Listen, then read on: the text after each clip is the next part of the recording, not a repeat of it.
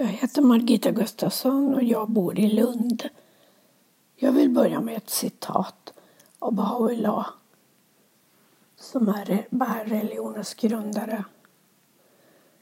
Guds ord kan liknas vid ett ungt träd vars rötter har planterats i människornas hjärtan.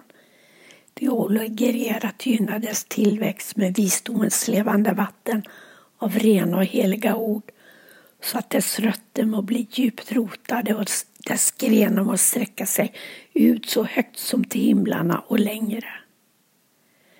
Jag tänker att när vi samtalar med varandra och använder ordet så har ju ordet en betydelse i sig självt. Men vilken kraft har egentligen ordet? Människor kanske skaffar sig en massa olika värdefulla ord som kan vara kopplade till olika ämnen, till olika specialområden.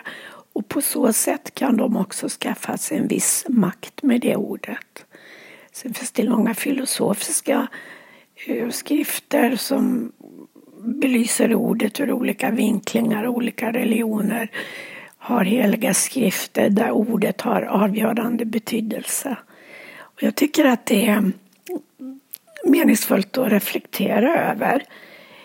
Här i det här citatet av Baha'u'llah så sägs det att, eh, att det finns en liknelse mellan Guds ord och ett ungt trä, som man planterar i människornas hjärtan.